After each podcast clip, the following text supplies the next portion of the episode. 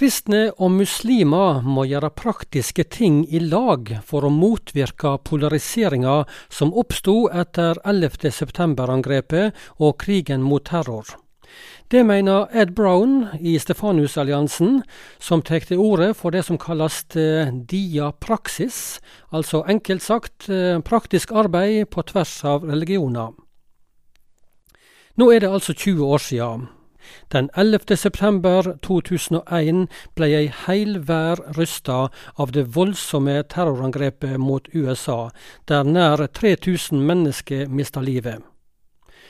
11.9 førte med seg krigen mot terror, med angrep på Taliban-regimet i Afghanistan høsten 2001 og invasjonen i Irak i 2003.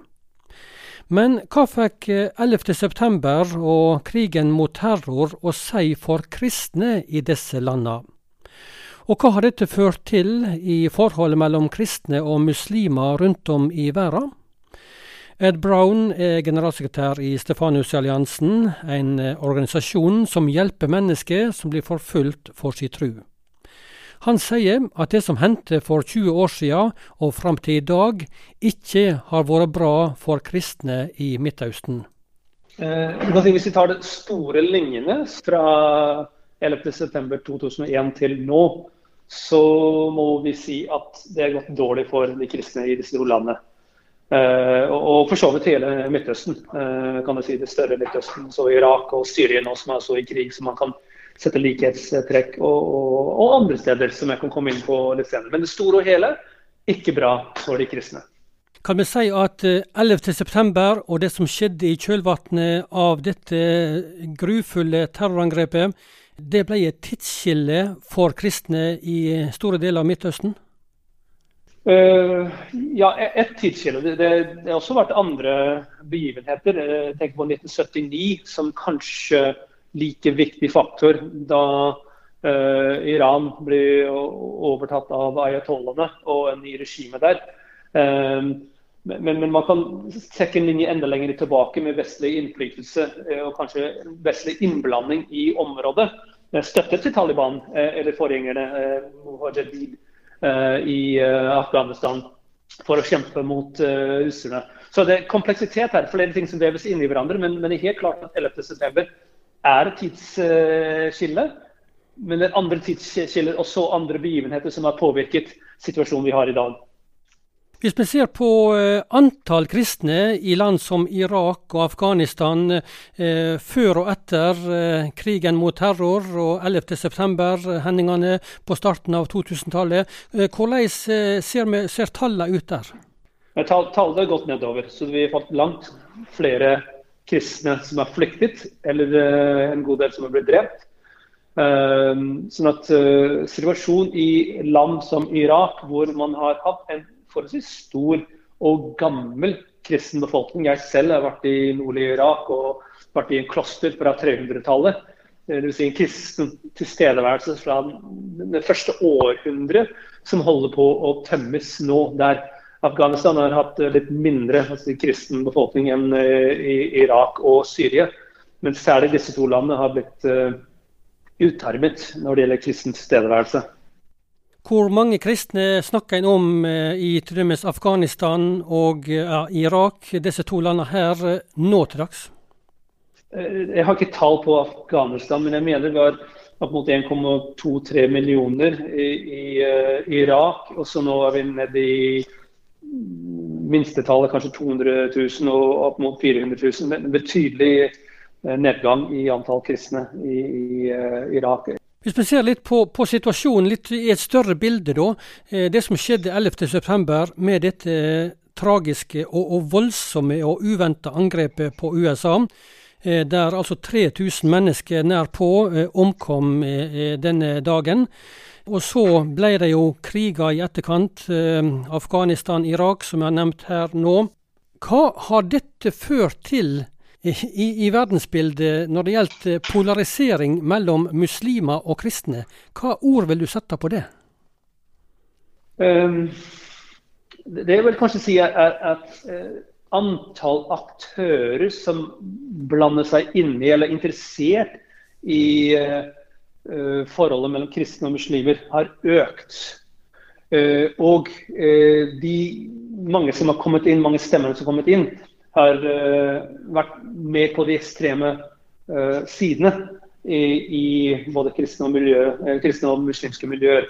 Så det helt klart vært en polarisering, men det må ses i sammenheng med hvor mange som har vært involvert i, i den saken. Langt flere fikk øye opp i Vesten for islam som en uh, aktør, en samfunnsaktør uh, og en mulig negativ samfunnsaktør. Sånn at vi har sett en oppblomstring av høyere ekstremisme også her i vår del av verden, i Norge.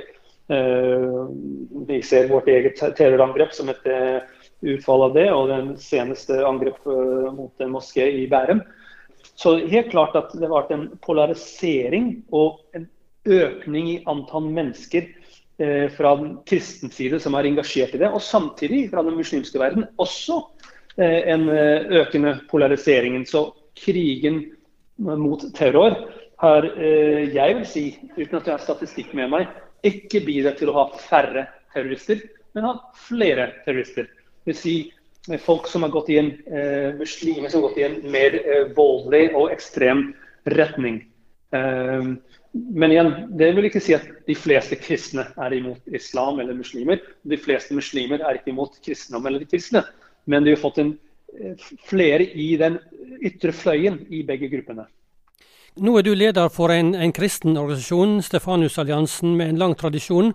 Hva kan en gjøre for å minske denne polariseringa? Uh, igjen, vi må se på kompleksiteten i dette. Det, det er ikke bare å gå rett på. Man, man, tenker ofte dialog. Så jeg, jeg, kan nevne flere ting. Man tenker dialog. Vi skal ha folk som snakker sammen. Eh, kristne og muslimer som snakker sammen. Og det, det er for så vidt greit, det òg. Det har vi hatt i alle år. Eh, man diskuterer begrepet Gud og plassen til Jesus i hellige, våre hellige skrifter osv. Men, men ofte er dialog på et høyt nivå. Da har du ofte kirkeledere og muslimske ledere som, som snakker sammen, spiser gode middager sammen eh, og er hyggelige mot hverandre. Men, men, om det går ned i befolkningen, det, det, er jeg ikke sikker på. Men jeg vil heller foretrekke flere diapraksisprosjekter. Eh, så I motsetning til dialog så snakker man ikke nødvendigvis om teologiske spørsmål eller store religiøse spørsmål, men man heller om praktiske spørsmål. Hvor lokalbefolkningen, kristne og muslimer, ser på utfordringer som de har i sin, kontekst. Hvordan skal vi få til et bra kloakksystem, slik at barna våre ikke får dysenteri og dør? Eh, hvordan skal vi sørge for at barna våre har eh, godt skolegang? Og Da snakker vi om fellesbarn. Og da Istedenfor å ha en felles forståelse av teologi, så har vi en, et syn på de andre som mennesker. Fordi en del av denne polariseringen eh, det som har skjedd med det, er at vi har fått en dehumanisering av de andre. Kristne ser på muslimer som ikke er like verdifulle som vi er, og, og omvendt. Mens når man har diapraksisprosjekter, eh, folk er nødt til å samarbeide, og det rehumaniserer folk. Så er det den en ting jeg kunne gjerne sett som uh, de gjør, og uh, andre aktører gjør. Uh, nummer to, vi må også se det, og det høres klisjéaktig ut, men vi må jobbe med godt styresett. Og Jeg sier ikke ordet demokrati, men det er også en del av det. Men godt styresett i land hvor eh, styresett er, eh, er dårlig. Og Det innebærer gode institusjoner. Man jobber bygge opp institusjoner, sånn at en stat kan, kan gi til folket det de trenger for å overleve på en god måte. Si veinettverk, kloakksystem, sanitære funksjoner, skolesystem, et godt fungerende apparat. Eh, og eh, nummer to, eh, rettsapparatet. At man bygger gode systemer for at man kan ta et oppgjør når ting blir gjort på en feil måte. Og det ikke blir diskriminering mot minoriteter.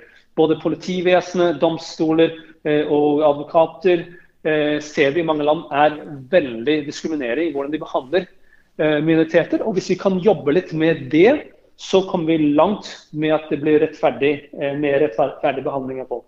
Så det er bare tre ting. De er praksis eh, mer enn dialog. Styrke godt styresett i mange land. Og jobbe med rettsstatsprinsipper. Og så er det et hav av andre ting som bygger opp disse tingene.